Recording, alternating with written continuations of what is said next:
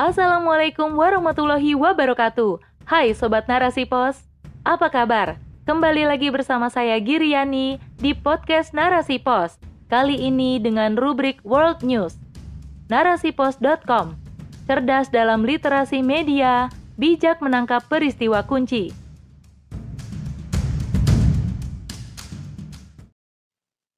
Sistem Islam Khilafah Kunci Pembebasan Gaza Palestina oleh Miladiah Al-Kiptiah. Dunia kembali dikejutkan atas agresi militer Israel ke jalur Gaza. Tanpa sirene peringatan serangan oleh Israel, akhirnya mengakibatkan 40 orang lebih rakyat Gaza meninggal dunia atas hantaman serangan udara Israel. Dua di antaranya adalah komandan senior Gaza, pejuang besar Tashir Al-Jabari, Abu Mahmud, dan Komandan Brigade Al-Quds di utara jalur Gaza.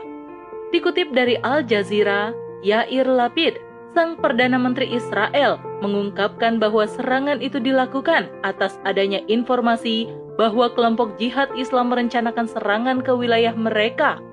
Sehingga dilakukanlah upaya membersihkan dan mencegah serangan kelompok jihad Islam di daerah tersebut. Menurut juru bicara militer Israel, serangan udara ke Gaza akan berlangsung selama sepekan demi menjalankan operasi militer pencegahan. Serangan tersebut juga dirancang untuk melumpuhkan para pemimpin jihad Islam di Gaza, Palestina. Selain dua komandan senior Gaza yang tewas di wilayah utara, ada juga komandan senior Khalid Mansur tewas di wilayah selatan jalur Gaza dalam serangan udara yang dilancarkan Israel. Sebenarnya, kesepakatan gencatan senjata antara Zionis Israel dan milisi jihad Islam telah berlaku. Namun, tak berselang lama, sirine peringatan bergema ketika Israel kembali melancarkan serangan udara ke jalur Gaza. Hal itu dilakukan sebagai balasan atas tindakan milisi jihad Islam yang menembakkan serangan roket ke arah negeri Zionis tersebut. Sehingga militer Israel akan terus melancarkan aksinya menggempur jalur Gaza. Kesepakatan gencatan senjata ini sepatutnya mengakhiri perang yang sudah berkobar sejak Jumat pekan lalu antara Israel dan milisi jihad Islam.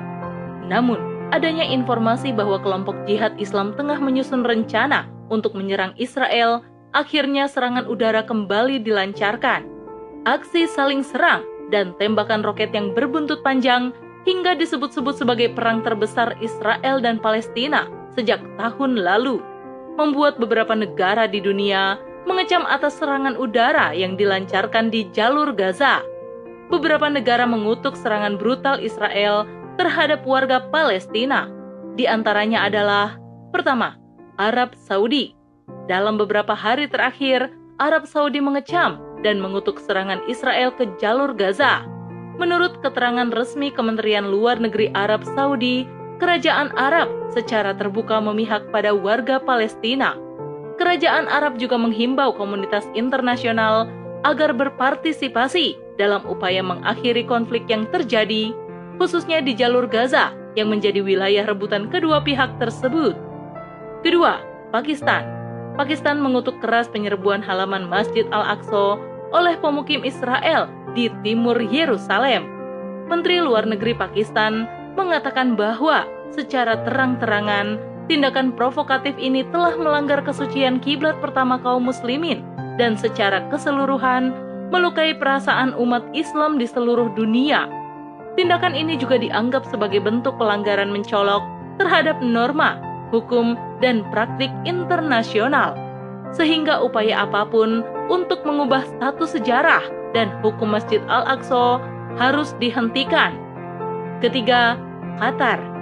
Qatar juga mengutuk pembunuhan seorang jurnalis senior Al Jazeera oleh serangan tentara Israel di tepi barat, Siren Abu Akleh, ditembak wajahnya saat mengenakan rompi pers dan helm. Kementerian Luar Negeri Qatar mengecam pembunuhan itu sebagai kejahatan keji, pelanggaran mencolok atas hukum internasional, dan serangan terang-terangan terhadap kebebasan media. Ia juga menekankan perlunya masyarakat internasional untuk bertindak segera menghentikan serangan berulang oleh penjajah terhadap warga sipil, terutama perempuan dan anak-anak. Selain ketiga negara tersebut, masih ada beberapa negara yang mengecam agresi militer Israel di jalur Gaza, yaitu Yordania, Kuwait, Turki, termasuk Indonesia, mendesak agar PBB mengambil langkah konkret. Namun, apakah kecaman negara-negara di dunia mampu mengetuk pintu internasional PBB untuk menghentikan serangan rudal Israel? Rupanya tidak. Ibarat peribahasa, jauh panggang dari api. Beberapa pengamat politik menilai PBB mandul tatkala menghadapi kasus yang menimpa dunia Islam. PBB seolah tidak sigap bergerak atas kutukan, kecaman, atau resolusi dari negara-negara muslim lainnya. Sejatinya, aksi kutukan dan kecaman dari beberapa negara belum mencerminkan tindakan nyata untuk mendukung kaum muslim dan kaum yang lemah. Aksi yang terkesan mencukupkan diri dengan hanya mengecam dan mengutuk, ibarat sekadar menyaksikan peristiwa pembantaian terhadap warga Palestina tanpa ada gerakan mobilisasi perlawanan dari negara-negara yang ada. Seruan pertemuan darurat kepada Dewan Keamanan PBB pun belum ada hasil. Yang ada hanya menjadi surat-surat kosong tanpa menghasilkan gerakan nyata melindungi rakyat Palestina.